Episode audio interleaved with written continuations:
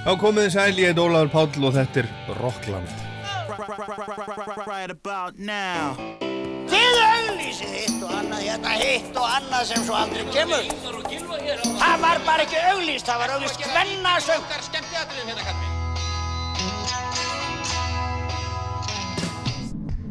Hvað gerir kvöld? Kíkja á tónleikana? Ekki? Ég hef ekki beint fyrir mig að vera innan einhverja brjála úlinga. Hvað minnur þau?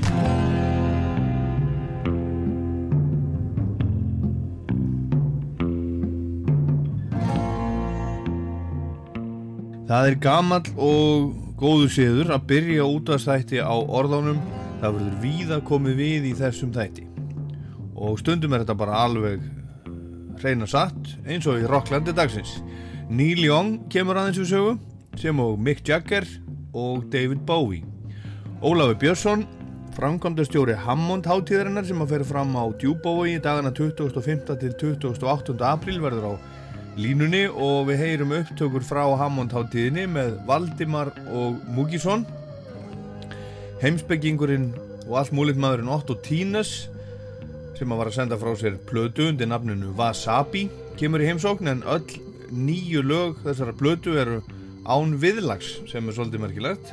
Átta eru eftir Otto sjálfan en nýjunda lægið er úr smiðju The Smiths og svo heyrum við frá heimsókn Langasela og Skuggana í stúdíu 12 núna á förstu daginn en sveitin sendi í gær af alþjóðlega blödubúðadaginn frá sér fjögur að laga vínil sem að heitir Bensínið er búið. Allt þetta og byrjum á smá Proclaimers. Following a line Running from the past to the present I'll become a boy Paddling in the sea I search for the peace That I felt at that moment And then it comes Then it comes Then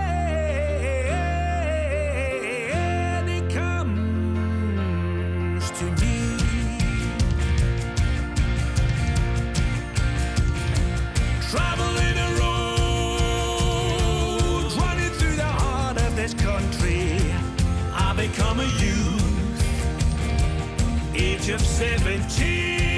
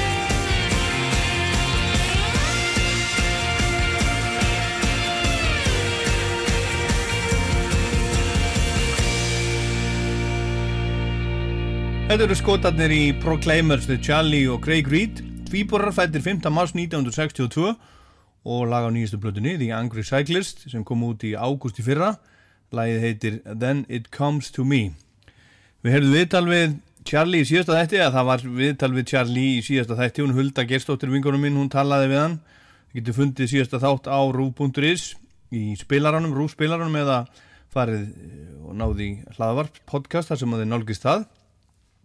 En Proclaimers eru með tónleika á morgun í Eldborgi Hörpu og ætla að spila eitthvað þessari nýju plötu sinni bland við eldri smetli eins og I'm Gonna Be 500 Miles, Sunshine on Leith, I'm on my way og Letter from America. Og þetta er 11. platan þeirra þessi nýja. Og þeir eru að fara í, í svaka túrum Nýja Sjáland og, og Ástralíu en komið líka við á leiðinu þangað í Singapur og í Dubai. Og þessi nýja plata þeirra, eða þessi nýja plata, hún er orðin á skömmul, hún hefur verið að fá alveg ágætti stóma og er alveg ágætti, ég hef búin að hlusta á hana alla. Og við skulum heyra annar lag af henni sem að heitir Streets of Edinburgh. Along these broken pavements, I let my mind run free. The past and the present seem just the same to me. The people I have loved most among these stones did dwell and in the plainest language their stories they did tell. They pass they pass they pass they pass the streets of Edinburgh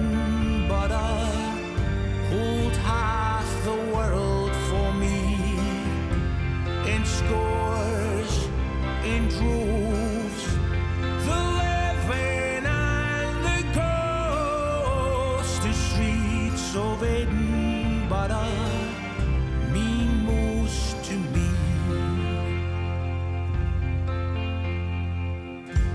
Depending on your viewpoint, this place is blessed or cursed. And in the years I've left here, I've seen the best and worst.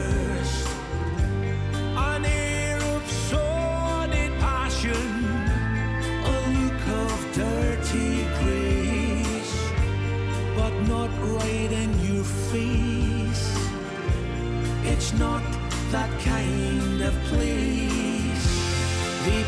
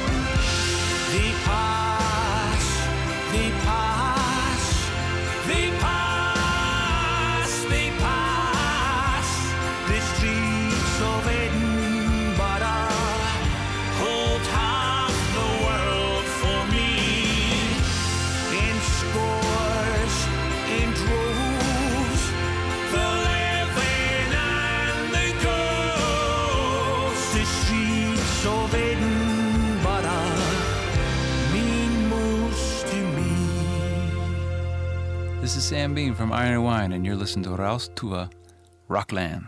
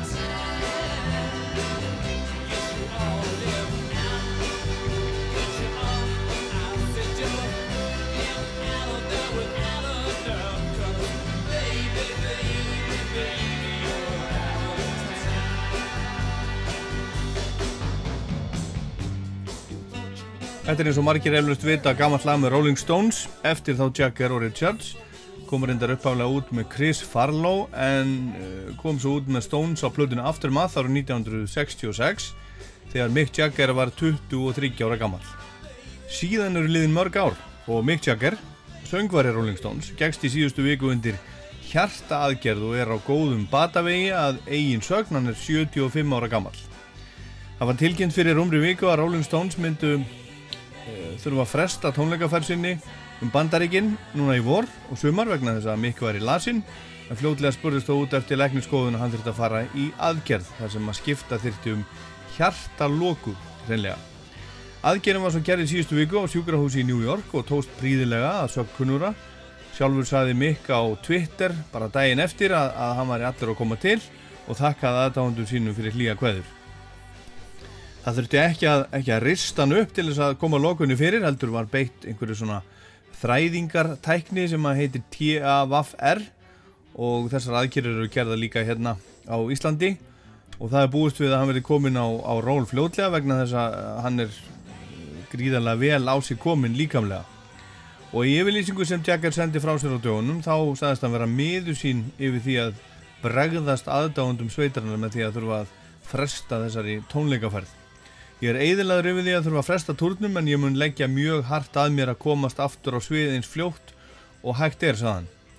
En það er ekki gert með annari hendi að skipulegja eða endur skipulegja tónleikaferð hljómsveitar eins og Rolling Stones og það er ekki víst að það verði nýtt af þessum tónleikum fyrir en bara á næst ári en þeir sem eru björnsinni segja að túrin byrji núna í júli á þessu ári. Við sjáum til og skulum heyra í Rolling Stones á tónleikum í Havana á Kúbu 25. mars 2016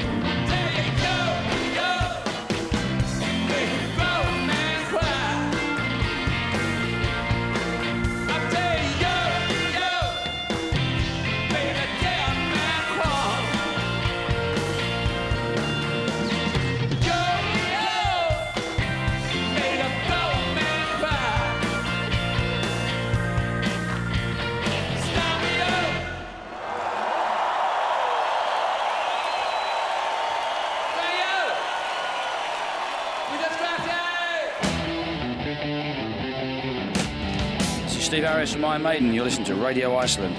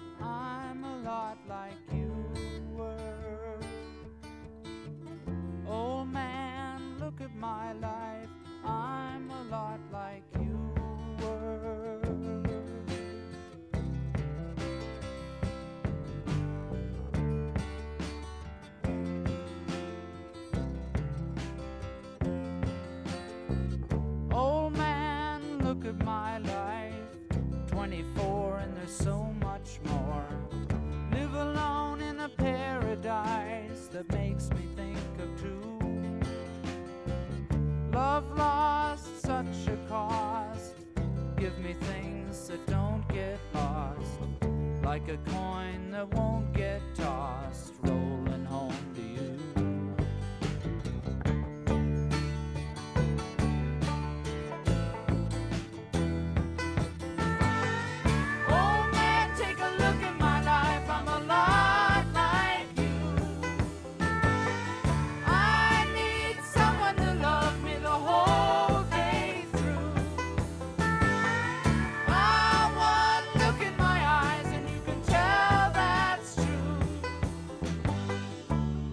Old Man, gamli maður, söng Neil Young þegar hann var ungur maður, 26 ára gamall og hann er enn að syngja Old Man, 73 ára og hann heldur áfram að fara sínar eigin leiðir og gera nákvæmlega það sem honum sýnist hverju sinni.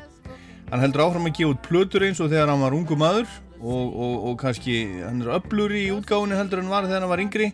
Síðasta áratugin er hann búin að senda frá sér tíu plötur, eina á ári að meðaltali en meira en það í raun og veru vegna þess að meðfram þessum nýju plötum sem hann hefur verið að gefa út hefur hann líka verið að gefa út archives plötur áður óutgefna stúdíoplötur úr safni sínu og tónleikaplötur. Hann er með alveg helling, hann er búin að taka upp tónleika alveg allan ferilinn og er að mjólka þetta út svona einu og eina tónleika plötu og hann hefur undanfærin ár spilað talsvert með hljómsveitinni Promise of the Real sem er rockband skipað ungum mönnum þar á meðal tveimur sonum Willi Nelson Promise of the Real er, er skemmtilegt og, og kraftmikið band og henda Neil alveg svakalega vel. En Neil er líka búinn að vera að spila aðeins með gamla bílskúsbandinu sínu Crazy Horse. En í þetta skiptið er, er hinn gítarleikarinn sem hefur verið með hann á sviðinu Frank Poncio San Pedro ekki búinn að vera með. Hann hefur kosið að halda sig heima í fyrsta sinn síðan að gegn til liðs við bandi árið 1975 og í hans stað kom nú ekki verið maður nefnilega Níls Lofgren sem er búinn að vera fastur maður í E-Street bandi Bruce Springsteen árum saman og sá sem spilaði með Neil og Crazy Horse í gamla daga hann spilaði fyrst með Neil árið 1970 þegar hann var bara 19 ára gammal á plötunni After the Gold Rush og það má segja að Neil hafi uppgötað Níls Lofgren svo gekk hann til liðs við Crazy Horse sem gerði plötuna Crazy Horse 1971 án Neil. Og svo var Lofgren líka með Neil á plötunni Two Nights the Night sem var tekin upp 1973 og hann spilaði síðast með honum á Trans-turnum 1982 og hann er með Neil á tónleikaplötunni Roxy Two Nights the Night Live sem kom út á uh, síðast ári, fyrir ári síðan. Eina af þessum, þessum plötum sem hafa komið út meðfram nýju plötunum. Upptökunar eru frá Roxy klubnum í Los Angeles í september 1973 og bandi kallaði Neil the Santa Monica Flyers. Þar voru hann, Ben Keith á, á, á pedalstíl og slætgítar Níls Lofgren á piano og gítar Billy Talbot úr Crazy Horse bandinu á bassa og Ralph Molina trommari Crazy Horse á trommur. Skulum heyra eitt lag á þessari Roxy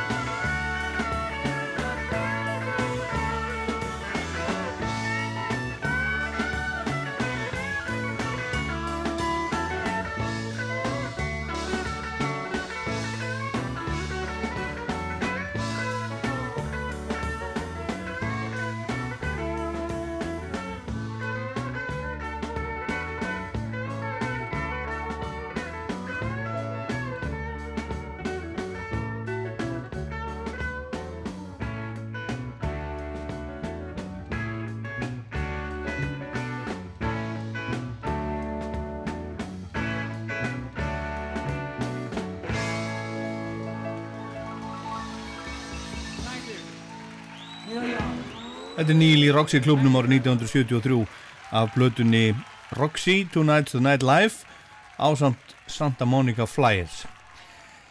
En Poncho, gítarleikarinn úr Crazy Horse bandinu, hann gæti þess að ekki farið með Neil núna í stuttan túr um bandaríkinni fyrra vor og Neil vildi endilega fara í túrin og hugsaði hvað geti nú gert og hann ákvaði að ringja í Níls Lofgren og hann spurði hann hvort hann geti stokkið inn í staðinn sem hann ákvaði eftir stutta, stutta umhugsun að, gera og svo var bara lagt í hann.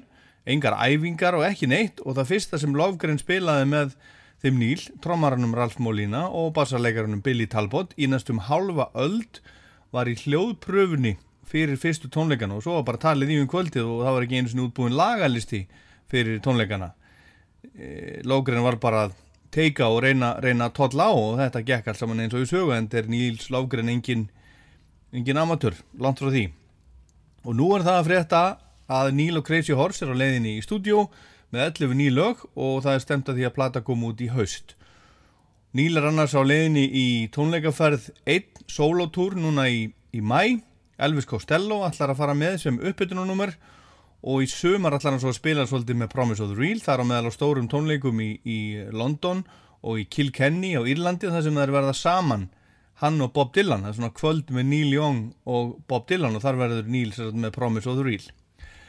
Það er nógum að vera hjá Neil Young, alltaf. Hann er ekki mikið fyrir að gera ekki neitt. Þrýfst ekki á því. Við skulum heyra lag af nýjustu plötunans í dag, Paradox sem hefur að geima lög úr samnendri kvikmynd sem kærastan hans gerði, leikonan og kvikmyndagerðakonan Daryl Hanna. Þetta er sérsagt uh, ekki eina af þessum tíu plötum sem hann er að gefa út núna síðast áratíðin, þetta er eina af auka plötunum. Lagi heitir Peace Trail.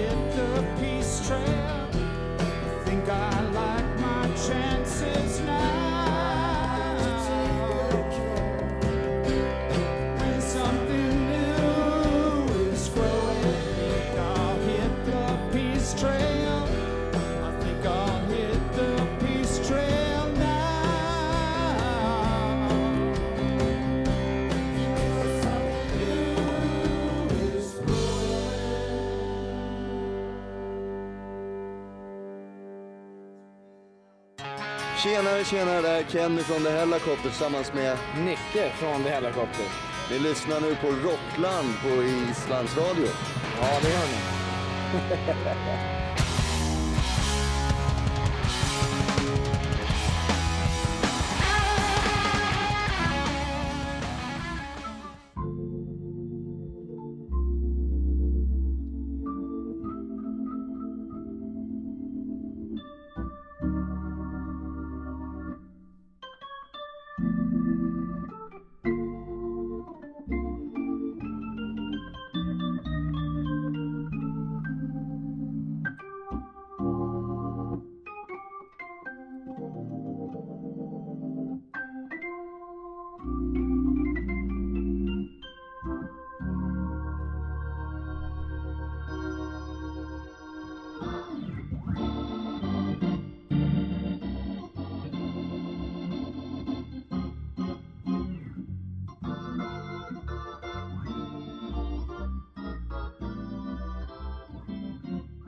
Hammond hátíðin fer fram á Djúbavogi núna strax eftir páska 25. til 28. apríl á Hótel Framtíð á Djúbavogi og í Djúbavíkur kirkju, Djúbavóks kirkju, hvernig læt ég og í símanum er herra Hammond, Kóttu Sæl, Ólaður Björnsson Blessaður sæl Hvað segir þú?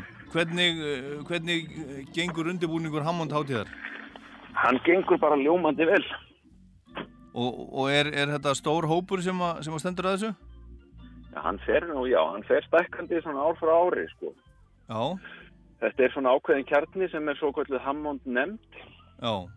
Og við erum fimm í þessari nefnd, en svo fer hópurinn öll stækkandi sem að, sem að er svona þetta krú í kringum framkvæmdina sjálfa þegar, þegar hátíðin restur á.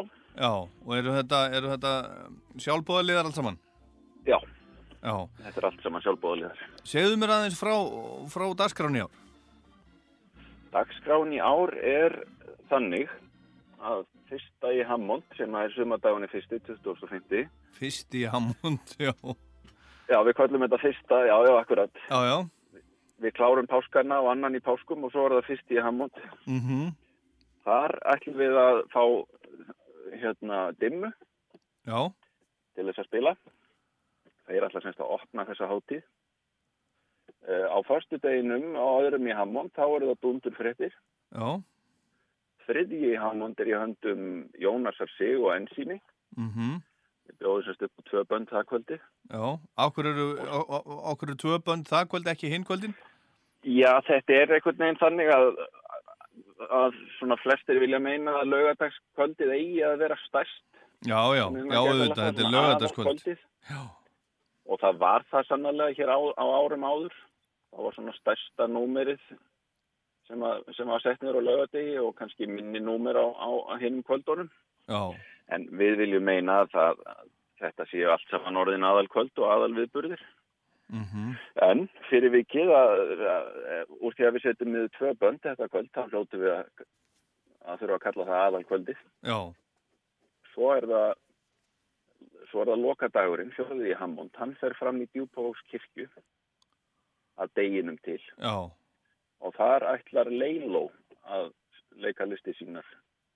Og hún er með meðrið að sveina með sér þá Guðmund Óskar og, og Tómas Jónsson sem að er eitt færasti Hammond leikari sinna kynnslóðar bara í, jú, jú. ekki bara segja heiminum. Já, allir það ekki bara, mikið, mikið séni, akkurat. En, en hérna, en hvers vegna, hvers vegna kallir þetta Hammond hátíð og hvernig er, er sagan? Sagan er nú, hún er orðin það launga, elstu mennir en þá er henni að rifja upp hvernig þetta hóf. Já. Þeir eru einhverjum 14-15 árum síðan. Já. Þá var hér stattur uh, tónlistakennari sem heitir Svavar Sigursson.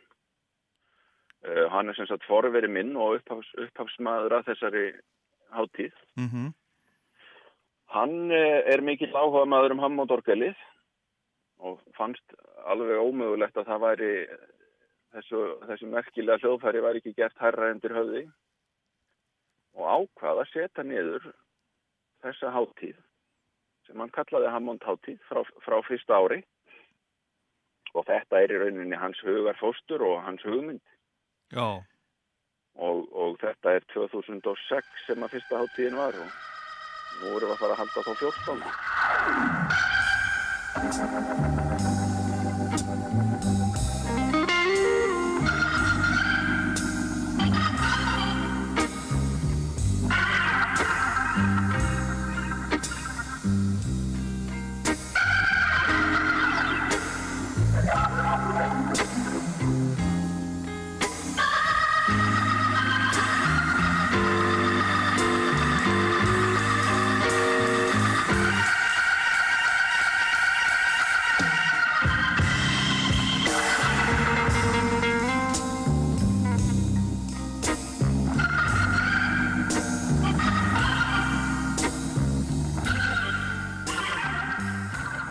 er nú ekki Hammond sko, það er nú ekki Hammond í öllum þessum hljómsveitum. Nei, ekki, ekki svona orginal, Nei. en það er mjög auðvelt að, að, hérna, að fræða orgelið inn í alla músík Já, já. og það er mjög gaman að, gaman að sjá hvernig öndin leysa úr því þegar að hólminn er komin. Já, er, er, er spilað á Hammond alltaf? Já, við gerum þá kröfu Já. að það orgelið sé að minnstakosti notað í einhverjum lögum Já, hjá þeim hljómsveitum sem hafa ekki eiginlegan orgelleikara innanbors. Þannig að Dimma er að fara, fara að spila á Hammond. Dimma er að fara að koma með Hammond leikara. Nú, hver er það? Það er mikið um það að hljómsveitir sænlega bara munstri Hammond leikara inn í, inn í, inn í bandið. Já, já, þetta vissi ég ekki. Nei, og þeir nýta tækifærið þar sem að á förstu deginum er, er Pétur Jésu Já, að Hammondast með, með og syngja með dúndufréttum. já, já. Að þeir að með hann bara með sér sagt, til að koma deginum áður og spila með sér um kvöldi. Já, já, já. Svona samnýta menn eins og þeir mögulega geta. Já, en hvað hérna, sko, er ekki derfitt að halda svona, uh, svona stóra tónlistarháttíð á, á, á uh, ég vona að þú fyrir ekki um mér þó ég segi litlum staði eins og, og djúbói. Hvað, jú, akkurat. hvað búa þetta margir? Við erum svona 480 mann sem búum hér. 480 manns og hvað er, hvað er að koma af gestum á háttíðina? Þetta eru svona, já þetta eru 250 sæti á hverju kvöldi Mm sem eru í bóði þarna á hótelinu og svo 200 sæti í djúbóðskirkju og þetta er nú jafnan þétt setið. Já, Þannig að, þannig að stór hluti þeirra sem sækja hátíðina eru aðkomumenn. já, er það? Og já, það er bara þannig. Að, að djúbóðsbúar verða í minni hluta innan gæsalappa þegar, að- þegar þú kemur inn í salin á, á, á Hammondháttíðar kvöldum. Hérna, þetta er náttúrulega fólk allstaðar að, mikið náttúrulega hér á Austurlandi og, og svo fer hópurinn alltaf stækkandi sem að, sem að er að koma lengra að já, og við tökum eftir því til dæmis núna í ár er mikið af miðum að seljast á höfuborgarsvæði já, já. Þannig að það er svona hann fer alltaf st- stækkandi sá hópur Þetta er að- svona, þetta er svona að vorferðalag, vorferðalag aus, au- austur á fyrði? Já, akkurat. Þetta er náttúrulega kjörið tækifæri bara fyrir áhuga fólku um músík og, og áhuga fólku um fallega staði. Já, og er, að er það að selja mikið að miðum, sem sagt, er, er, er fólk mikið að mæta öll kvöldin? Já, við erum með þessa svo kvölduðu heildarpassa Já, og það er svona allur gangur á því hversu mikið við seljum af þeim en, en þeir eru svona 150 í bóði já, og þetta er svona á bilinu 100 til 150 sem við seljum á, á, á hverju ári. já, af þessum, þessum heildar, heildarpössum. Já, En hverju þá er, er sem sagt, þá er sem sagt þe- þe- þegar við seljum færri miða heldur en, heldur en venjulega þá er það yfirleitt bara lausa trafík sem fyllir svo upp fyllir svo upp í, í á hverju kvöldi. já, já, ertu spenntastur fyrir einhver ákveðnu eða, eða ertu, ertu ómikil diploma til þess að geta svarað því? Ég er bara svo ótrúlega hrifin af öllu, öllum, allir íslenski tónlist að, að ég á ofta erfitt með að gera upp á milli Já, en, en það er náttúrulega gaman til dæmis í ár að, að Enzimi og, og Leilo er í rauninni þau sem er að koma í fyrsta skipti. já, Hinn böndin hafa komið áður. Dundurfrettir hafa spilað einu sinni hjá okkur áður og Jónas Sig hefur komið tvísvar. já, já, Og svo komu Dimma hérna með Bubba árið 2015. já, Spiluðu með honum sett og, og fengi að spila nokkur af sínum lögum í hliði. Mhm. en svo sem sagt eru þið búinir að sækja hægt að okkur síðan að, að fá að koma einir og sér. Já, já. Það verður engin En svikin að því. Þetta, er náttúrulega svo mikil fjölbreytni að, að hvert kvöld er bara einstakt, einstakt út af fyrir sig. Akkurat. Herðu, við skulum heyra hérna í lokinu upptöku, er það ekki, er það ekki Múkisson síðan í fyrra? Já, hann sinni hitti fyrra. Síðan í hitti fyrra, já. Hann var árið 2017. 2017. Skulum heyra það, Ó- Óla- Ó- Stórkostlega tónleika. Ólafur Björnsson, Herra Hammond, takk fyrir Yes. spjallið og gleðilega hátíð. Og gleðilegt sumar. sömuleiðis. Á gítar og Hammond, toppið sig, gefa hann gott lag.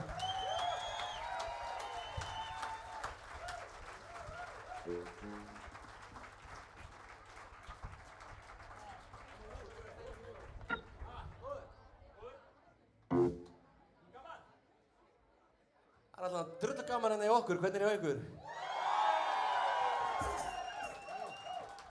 Anskotið. Þetta skuli kallast vinna.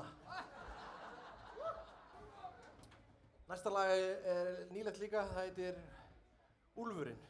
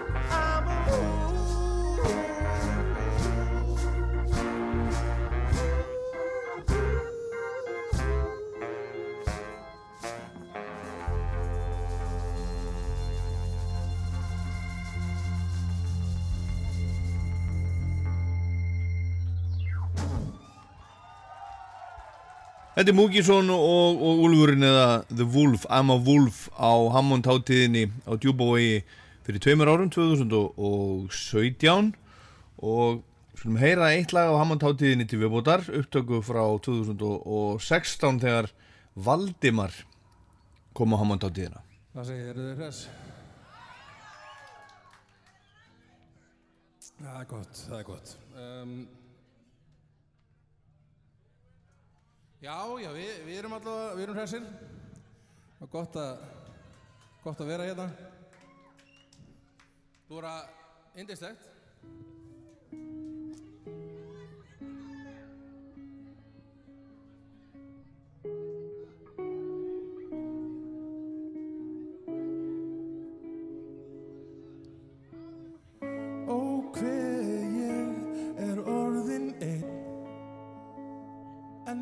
fyrir þér. Hljóttarminn ber. Veit hvað mér er gott en ítla gett Hættu gödunar segð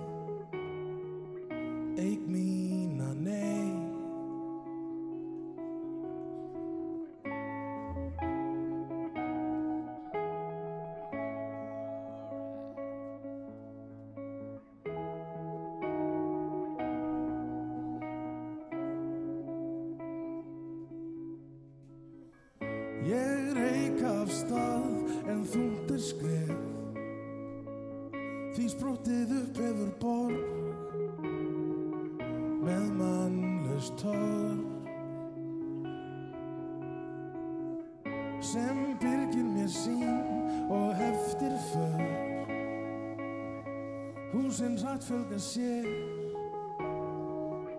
ég fastur er.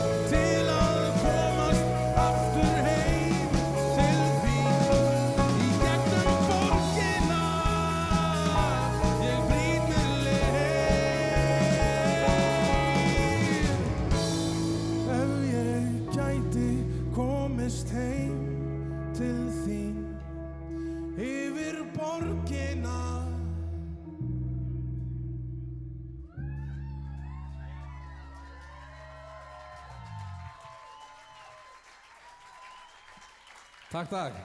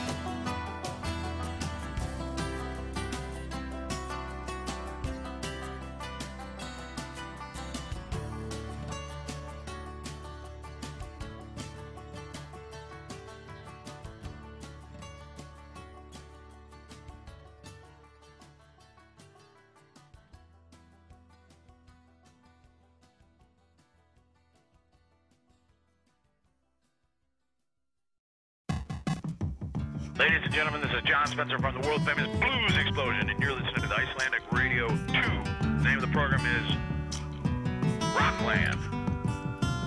Do you wanna get heavy?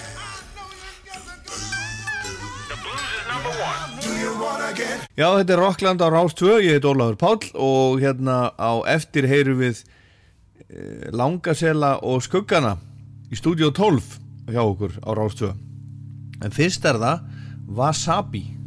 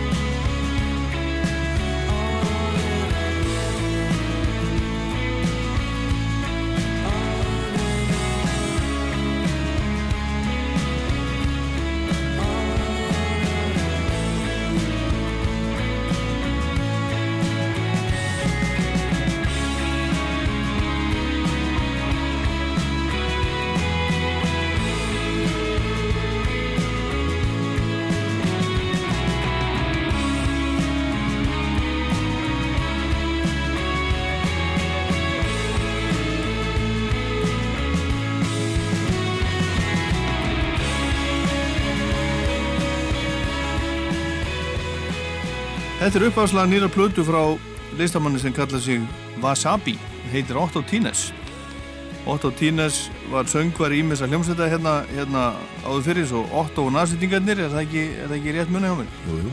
Og, og hvað var svo, svo meira? Svo var Formæka. Formæka maður? Já, já. Já. já. Síðan kom íslenski tónar.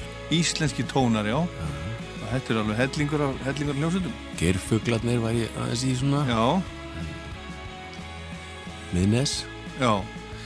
En hérna, eh, til hamingju með þessa, þessa nýju plötu.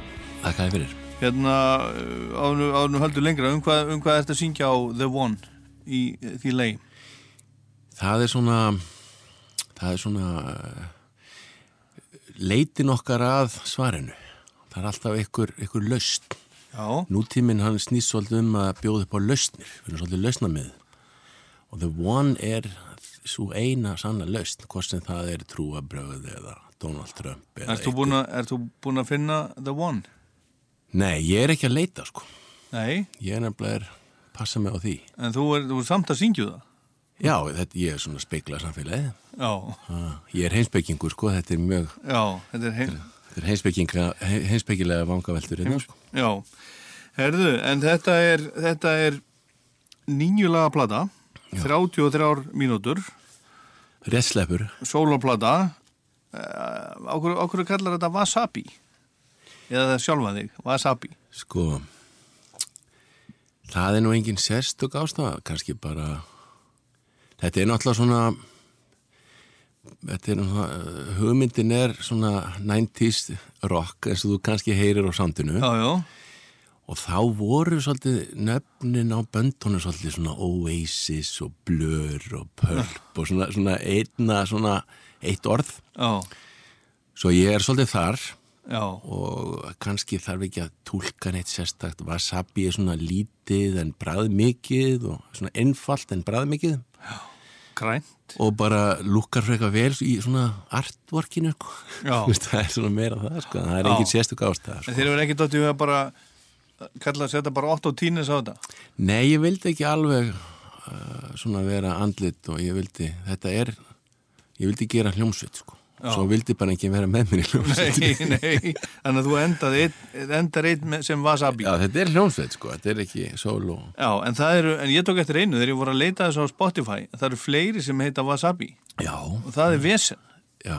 Ég, ég, var, ég, ég fann þetta ekki eitthvað og þrý sko. Nei, það var ekki ég var ekki komið svo langt sko. Þú varst ekki búin að hugsa það alla leið núngað En ég ætla að halda því fram að þetta sé besta Wasabi bandið Já, ég held það, það var eitthvað síndist eitt vera frá Kína eða eitthvað svo leiðis og hérna, Þannig að gefum okkur það. Já, besta wa- Wasabi band í heimi. Já. Akkurat, og, og já, eins og þú segir það er svolítið, svolítið brittpápísu Já, já, áhrif á valdarnir eru, ég er ekkert að fela það sko. Ég er svona, meiri sé að gekk út frá að rætt sándið sko, var svolítið svona, svona, eins og maður segir, svona, svona leiðarstef, en, uh, en já, já, þetta er svona platan sem ég hefði átt að gefa út um aldamótin síðustu þegar Já. ég var kringum 30 Já. svona, en, en þá var ég bara í gerfuglunum að spila polka fyrir fulla lesbjur og grandrock Já, og var Fullar ekki- lesbíur? Nei, ég segi svona, það er nú bara að gera sögur og kennari en, Já. en hérna, þannig að maður var svona í öðru svo bara leið tíminn og allt í einu var maður komið með batn og allt í einu, þú veist, þetta Já. er bara busy doing nothing, sko. Það er ekki svo þess, time líð, hérna tíminn gerist þegar út upptekinn að býða eftir honum. Akkurat, hérna næsta lag sem við heyrum af plutunni, það er svona mjög stöður svolítið svona Stone Roses uh, stemning í því en þetta er, þetta er uh, gammalt smiðslag ekki samt eitt af þeirra þekktustu, eða? Nei, nei, alls ekki eitt af þeim þekktustu en, en ég valdi þetta lag að mér langaði að gera svona tökulag og ég valdi þetta lag vegna þess að það hefur það er ekkert viðlag í þessu lagi Já, já. Og það er eiginlega þemað í plötunni, það er engin viðlög í lögunum hjá Wasabi Já, ég var ekki búin að kveikja á því Nei, ég veit það þannig að London átti svona vel við það svona einfalt, alltaf sami ringurinn Já, og ekkert viðlag. En okkur engin, engin viðlög? Það var bara challenge búið til pop-tónlist sem haf- hefur engin, hafa engin, hafa engin viðlög. Já, heyru London. Já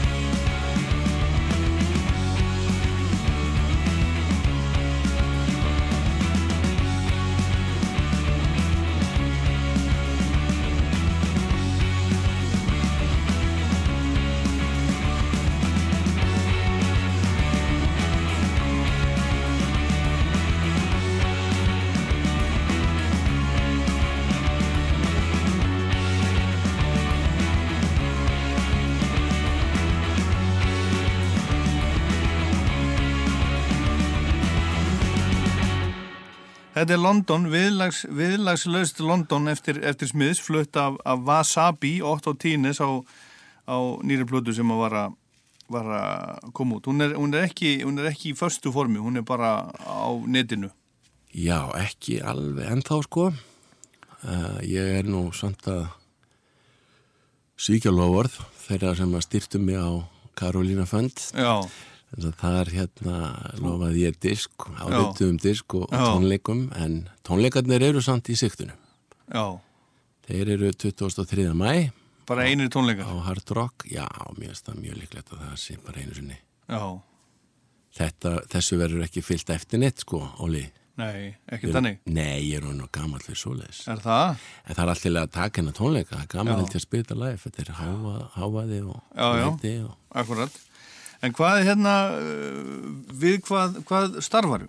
Ég er núna, ég er mentar hinsbyggikennari Já, og, og kenni núna náttúrufræði. já, já, já. Ég 8. 9. og 10. bekk og hef mjög gaman að því. Já, merkilegt. En hvernig, en hvernig, sko, þú sagðir hérna áðan að þetta væri platan sem þú hefði kannski átt að gera þegar þú varst þrítúr. En hvernig, hvernig dattir þú að gera þetta, þetta núna? Þetta er bara klassíst svona, og ekki sletta, bucket list verkefni. Eitthvað sem þú ætlaðir að gera?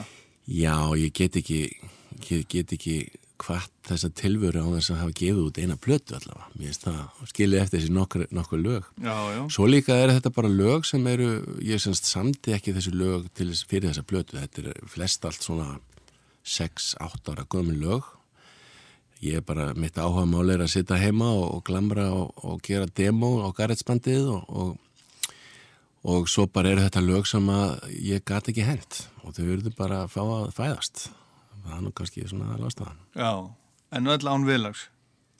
Ekkert viðleg. Ja, það er hægt að deila um eitt lag en, en, en flest er að eru samin sérstaklega, þú veist, já, Já, já. með, með þá áherslu að það sé engin viðlög í lónum.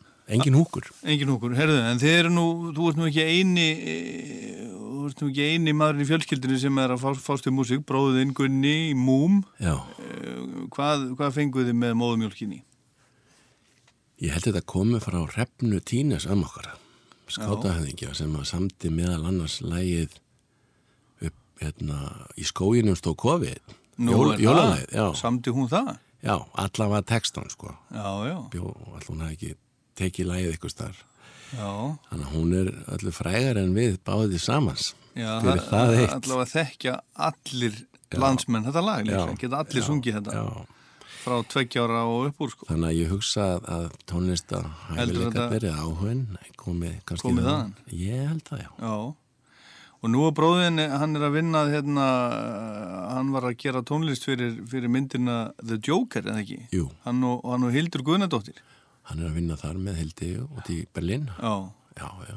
Hvað er að gerast með, með íslenska tónlistamenn og, og Hollywood? Þeir, það eru svo margir einhvern veginn sem eru að semja tónlist fyrir stórar Hollywoodmyndir. Það er hérna náttúrulega Jóhann Jóhansson, heitinn. Það er Hildur, það er eh, Alli Orfarsson og, og bróðin. Já, já. Hvað, hvað er að gerast? Og fleiri, Ólafur Arnalds. Og, og þetta er og, og, og, og Sigur Rós náttúrulega eru sterkir í þessu. Er þetta ekki bara þessi klassíska íslenska já, ég kalli þetta ekki mikil mennsku brjálaði, þetta er ekki svona minni mennsku brjálaði, menn að þess að við, ger, við, við látum ekkert stoppa okkur, við, við lítum bara á þetta sem bara, við, gerum, við reddum þessu bara. Já. hvað, þú veist, aðri stoppa og segja en þetta er ekki minn staður sko. En Íslendingar bara skilja ekki svo leiðis takmarkanir, Nei. við gerum þetta bara Já. mössum þetta bara Já, það er kannski, kann, kannski bara það sko. En, en hvernig, eh, hvernig líst þér nú, þú, þú, þú, nú ekki verið svona aktífur í músiklífinu í svolítið tíma, en hvernig líst þér á, á músiklífið í dag og, og er eitthvað sem þið finnst virkilega gott? eh, ég reyndar hlusta ekki mikið á tónlist það er nú þannig Hættur því bara? já, svona það allavega sjaldan. Ef ég hlusta á tónlist þá sest ég niður og hlusta á hana. En ég hef hann ekki í gangi svona að öllu jöfnu. En eh, já, mér finnst eiginlega svona ég saknaði svolítið að að unga kynnslóðin hafi ekki svona að mér finnst svona einhverjar e, lifandi goðsagnir, svo ef ég má sletta sko, það er því að við upplifum svona, þú veist, hvað sem það er Megas eða Bubbi eða Egil Ólafsson eða einhverjir Björn Jörundu vinnur okkar, Mér, ég upplifi þessa listamenn sem er svona einhvers konar sem að festa sig í sögu tónlistarinnar á Íslandi en einhvern veginn finnst mér svona dægulega menningin á Ísland svona fyrir yngir kynnslóra, mér finnst vantar svolítið þessar sterku karaktera. Vanda hetjur? Já, ég saknaði svolítið, en En svo er líka bara tónlistin að breytast eins og þú veist að ekki eðli sínu heldur, ekki tónlistin sjálf heldur að það, þú fær plötusamning núna ekki út með góða tónlist heldur út með marga fylgjendur. Já. Það er miklu sterkari forsenda fyrir, fyrir plötusamningi heldur en, heldur en gæði tónlistarinnar. Þannig að þetta hefur svona snúist aðeins við uh, og ég held að sé frekar sorglegt fyrir sko listamennina sjálfa. Já tónlistar hæfileikar og annað þetta breytist náttúrulega með MTV þá þurfti það varst að vera fallegur sko.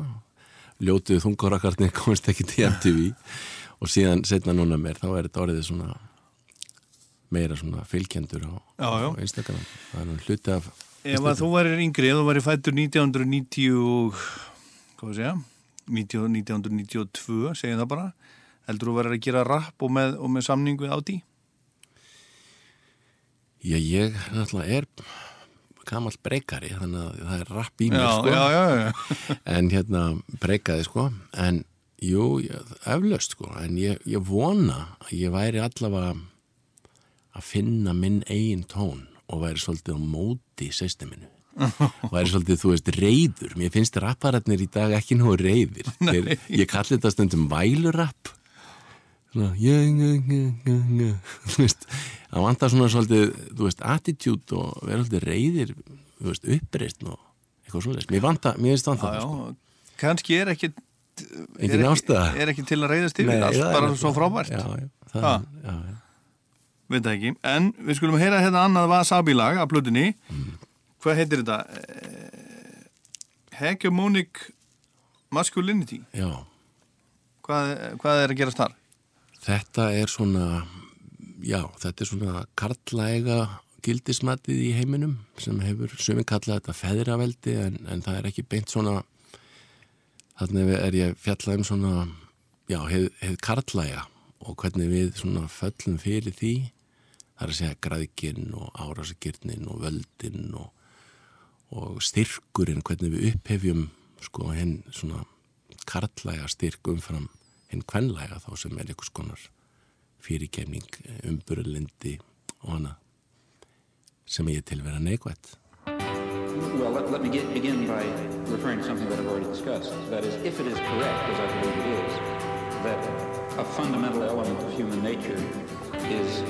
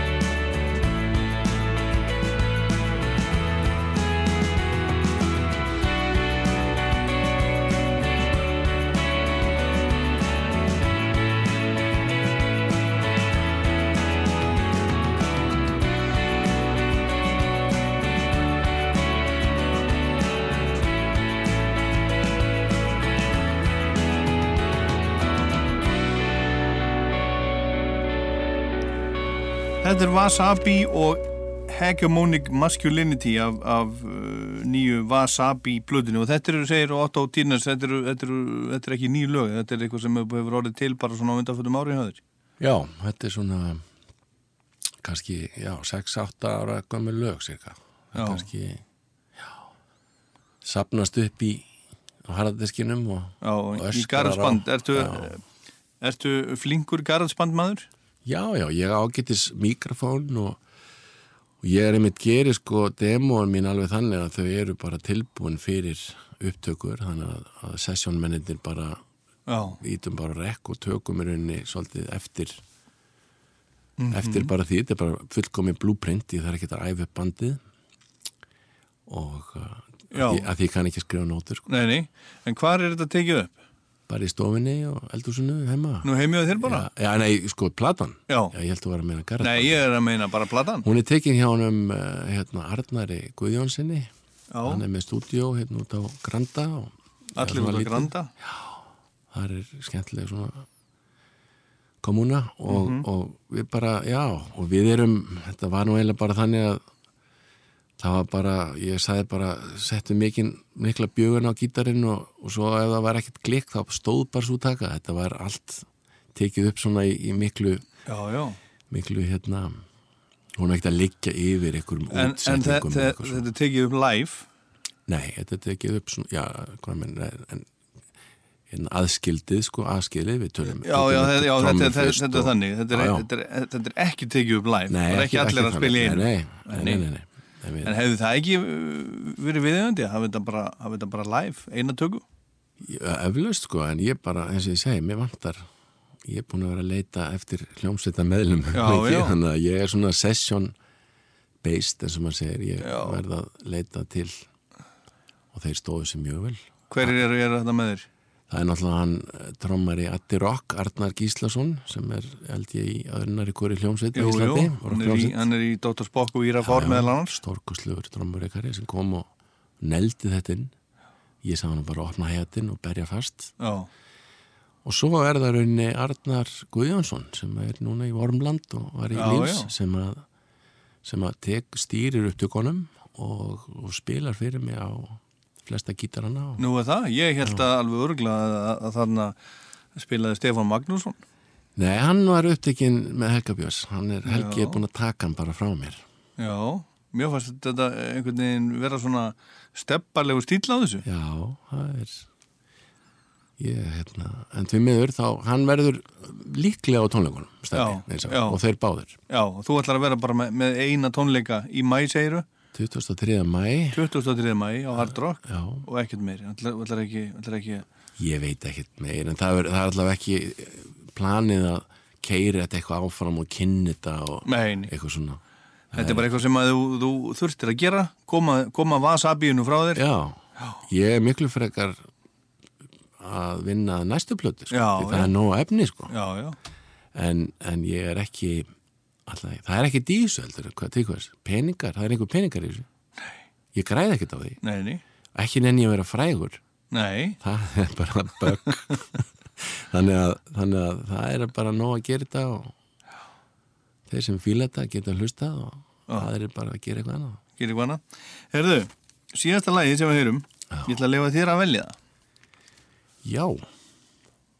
Ef við þá ekki bara enda á fyrsta læginu sem ég samti, eða elsta læginu sem er hérna heitir Hætt Hætt Já, og fjallar hann um raunveruleika flottan sem við erum í alla daga.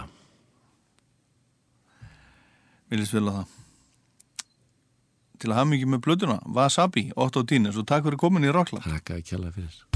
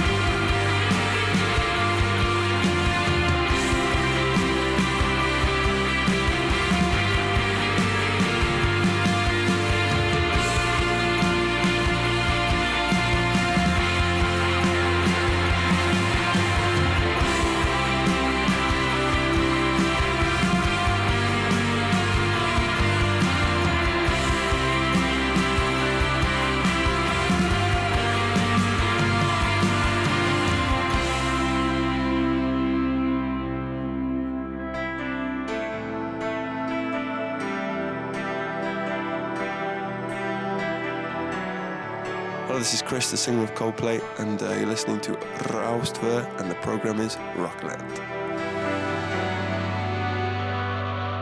Hér í stúdíu 12 er komin alveg stór glæsileg hljómsveit sem, að, sem er búin að vera starfandi áratögum saman. Eh, Ég var að horfa á, horfa á gamalt eh, myndskeið á YouTube frá Hemma Gunn 1980 og eitthvað. Þeir eru ennþá hérna langi seli og skuggarnir og þið, þið lítið eiginlega alveg eins út eins og þið lítið út á. Hvað 1980 og, og, og hvað eru að, að tala um? 85, 6?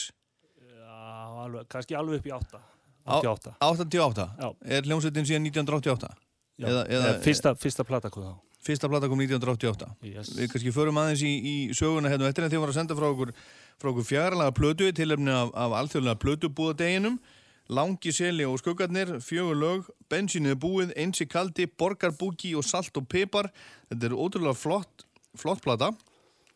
Til að hafa mikið með hana. Takk fyrir. Til að spila þrjú af þessum, fjó, þessum fjóru lögum Já. og, og ákveður ætla að byrja? Viljum að byrja á eins að kalda? Gjörðu þið svo vel, langi seli og skuggarnir. Ok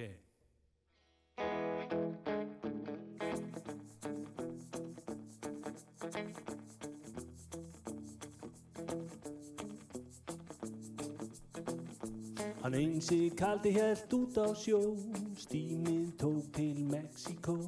Hann hitti þar fyrir meja fans og þá var stíinn trilltur dans.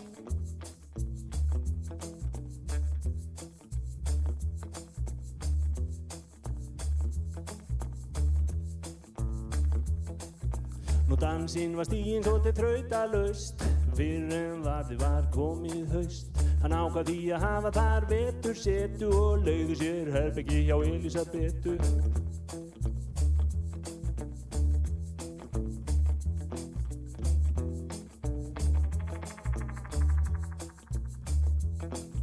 Nú blankur ég þann sér sem týra vörða á stað það sem átökurðu ansi hörð. Að lókum fóð svo aðeins gaurinn dó, sumi sögði sjálfsvöldin aðri dó. Nú, Ooh, pop, pop, pa, ooh, pop, pop. Uh huh. Ooh, pop, pop. Ooh, pop, pop, pa, ooh, pop, pop. Uh huh.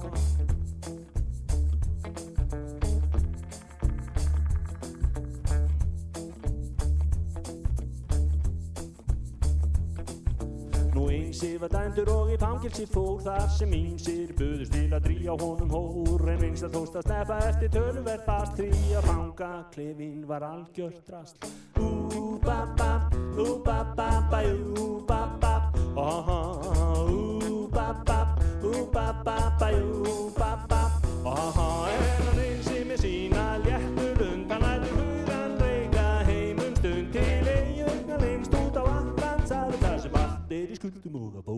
cabeza.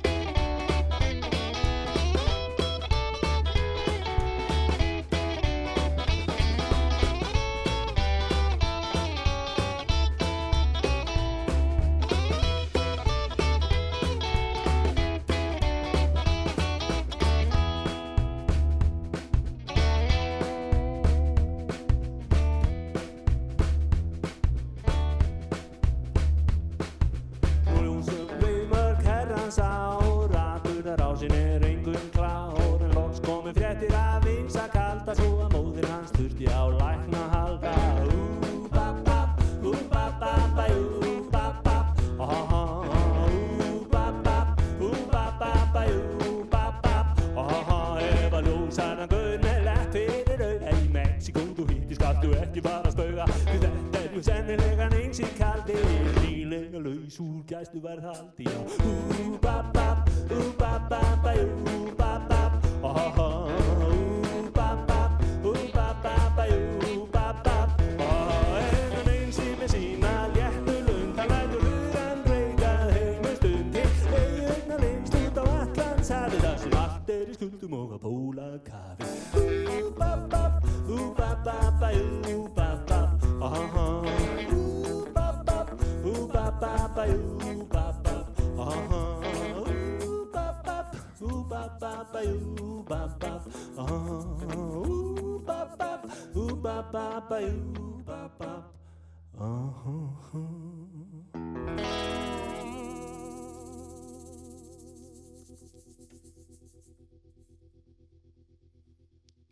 Takk fyrir það, Langi Seli og skuggarnir í, í stúdíu 12 og eins í kaldi af nýju plötunni sem var að koma út Heit, heitir hún eitthvað þessi?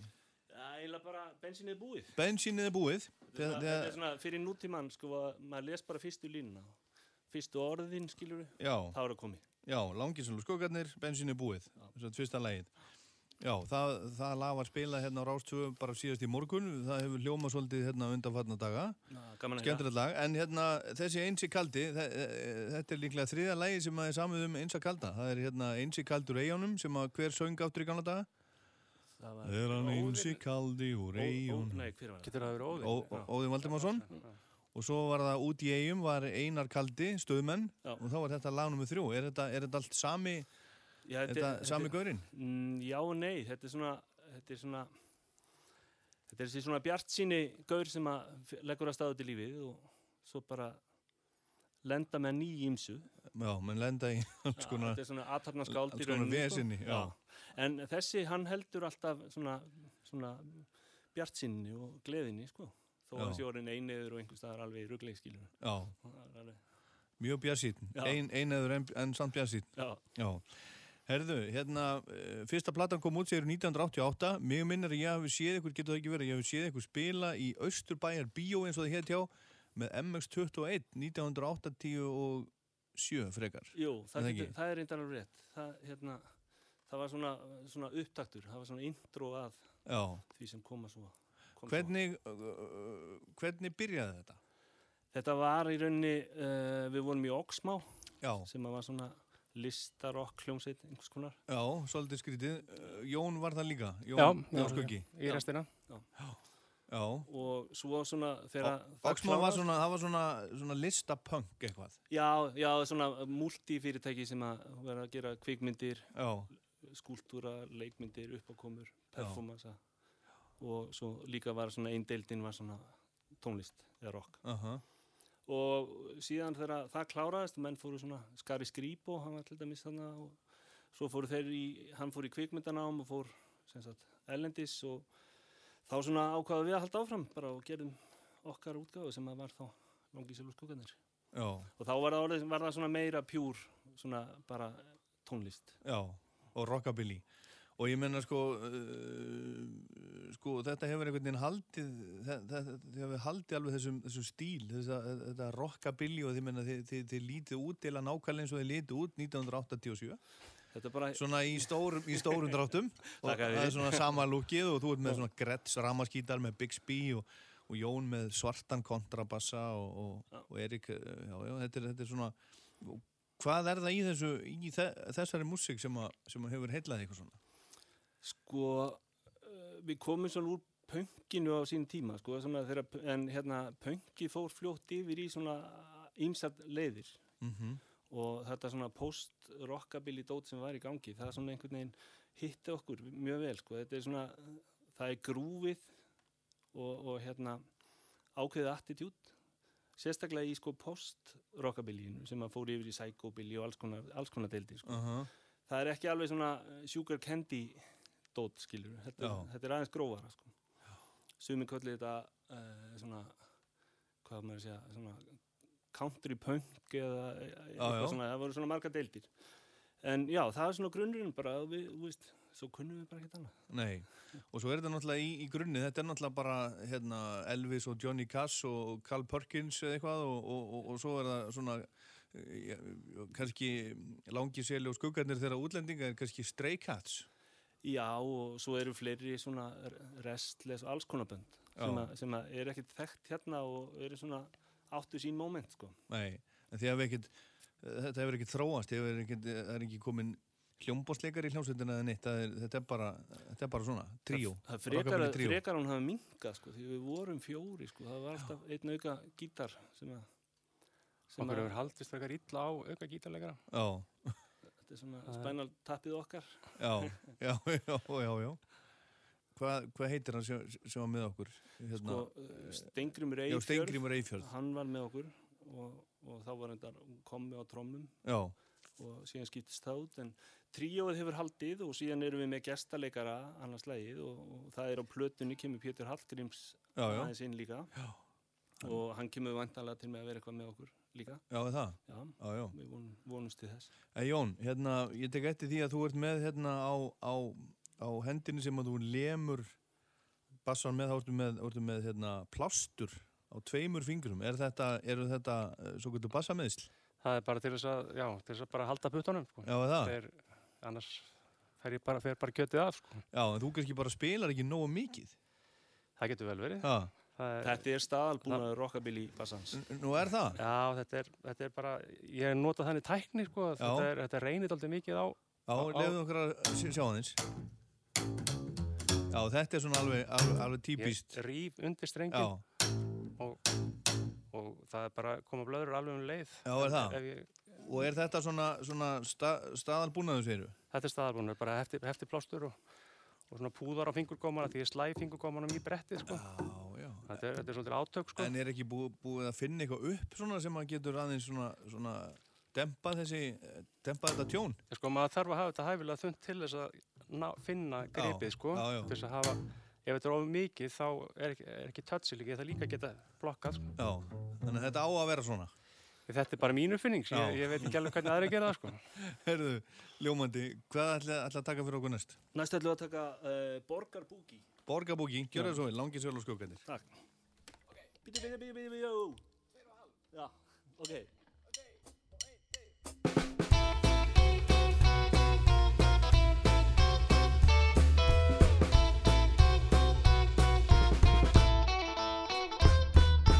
Kvöldið er komið og sest er sól Ljósaskiptin þau leikum arnar hó höldum við saman sem lið leikur niður á ból Kotti, kotti, kotti með mér, kotti út að dansa Kotti, kotti, kotti með mér, kotti út að dansa Kotti, kotti, kotti með mér, kotti út að dansa Kotti, kotti, kotti með mér, kotti út að dansa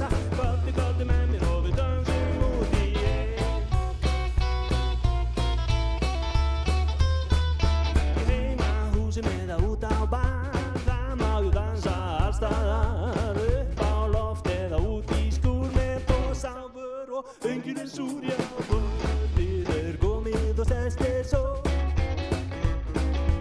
Ljósaskiptin þau leikum arnar hó Og þá höldum við saman sem lið leikur niður á borð. Kotti, kotti, kotti mér, kotti út að dansa. Kotti, kotti, kotti mér, kotti út að dansa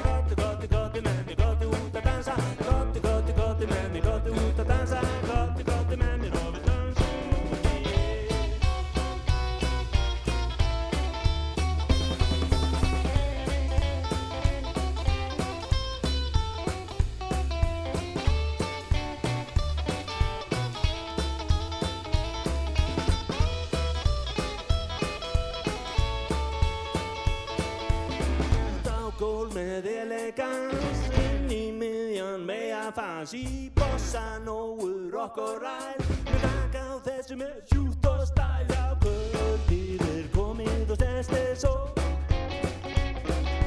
Ljósaskiptin þau leikum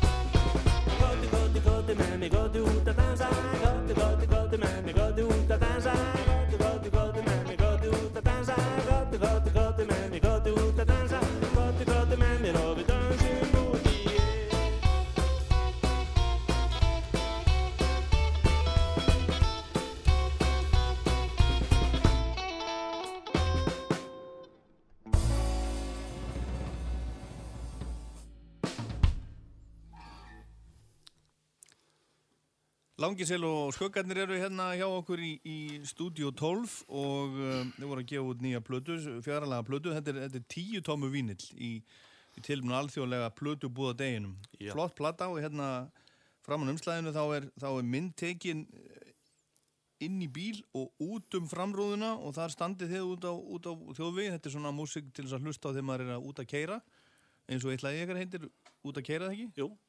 En hérna þessi þetta mælaborð hérna, þetta er ekki þetta er ekki, þetta er ekki eitthvað sem er búið til í Japan, þetta er, hvað er þetta, Dodge eða Þetta, eh, hvað var þetta? Ekki, hérna, Cadillac. Cadillac? Nei, Nei, þetta var, nei, þetta var hann hérna, þú átt að vita, máðið ná hann að bíl. Ég veit það, ég bara, er bara ekki alveg með Buick, Buick. Þetta er Buick? Já, já, já.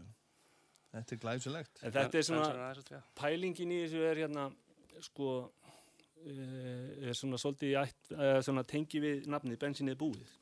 Já, já. Við erum komin út úr bílnum, Já, er búið, Hann er Þið- bensinnið sem við höldum áfram, sko.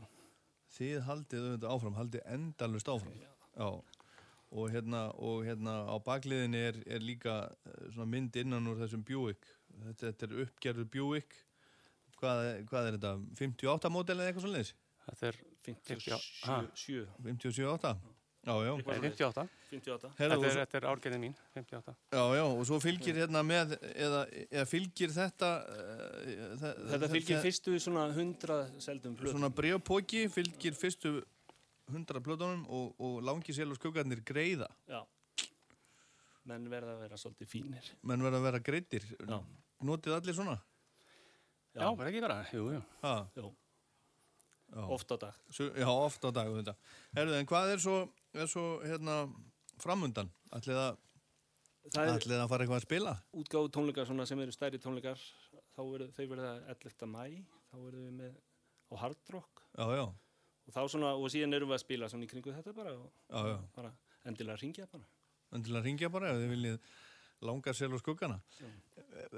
Og þetta er allt mjög svona stílisar. Þú ert með svartan Gretz og í svartum leði ekka og, og Jón með hennan svona svarta kontrabassa. Hver er saga þe þessa bassa, Jón? Ég fekk hann á hann, hann hérna, smött í uh, seldi mér hann Já, já, þetta er, fræ, þetta, Hann var búinn að frægur bassi. setja hann allan í köku hann, hann skemmtist í flugi og, Nú, nú. og svo gerði ég, ég, ég leti ég gera hann upp Já, já. og þetta er svona rockabilly bassi Já, já. Og er bara komin í dundur form En byrju, rockabilly bassi segiru, þú veist, er eitthvað annað en útliti sem, a, sem að gera hana rockabilly bassa? Er þetta eitthvað öðruvísi að menn eru, eru með í symfóniiljónsutinu til dæmis? Mm, Já, hann er alltaf öðruvísi. Já, þú veist, hann er bara, symfónían er allt eh, miklu belg meiri bassa, sko Já. Já, hann er bara sér, sér hann aður fyrir hann er örgulega, hann má klifra á hann og svona Er það? Hann er sterkur Já, ok. Herðu, skemmtilegt maður. Og, og það er svona, og hann er svona flúraður og stendur á honum King. Já. Er þetta eitthvað sem að þú settir á hann eða? Nei, þetta er Þetta er frá, or- frá Smötti. Já, þetta er bara frá, frá orginal Já, þetta er bara, þetta er bara nafnið á hann. Já. Já, já. Rockabilly bassi, auðvitað vera, menna, vera með rockabilly bassa. Þannig að ætla að geta eitthvað. Já, en hérna Erik, Erik Quick, er, er, er einhverja sérstakar svona rockabilly trommur? Já, bara sem er til á staðin. Já, er það? Ekkert vesen? Nei, ég held ekki. Nei, en þú ert með hérna Gretz úr tónastöðinni. Einmitt, einmitt. Er þetta ekki lægi? Jú, Þetta sem er hér? Þetta, þetta, þetta er glimrað svo mikið. Við leitt að það sest ekki hversu mikið fyrir glimrað er útvarpi. Já, já, eh, sem sagt glim, glimmer. Já. Glimmer trommur. Já, er, og eh, glittir. Já, er það ekki alveg ekta svona, svona rockabilly? Jú. Ljómandi. Það líka, fyrst fyrir svona, þetta er svona plast, klett á trómuna. Já. Það er mjög fínt fyrst ef að fólk eru að henda bjór á hljómsveitin Er og leta það- svona þurka af. Er það algengt? Nei, kannski meira svona uh, sódavatn núna festa dag. Já. En, Já, erðu, strókar, langi selur skuggarnir, til hammingju með, með hérna, plötuna, svo Takk. fló, flottu plötu.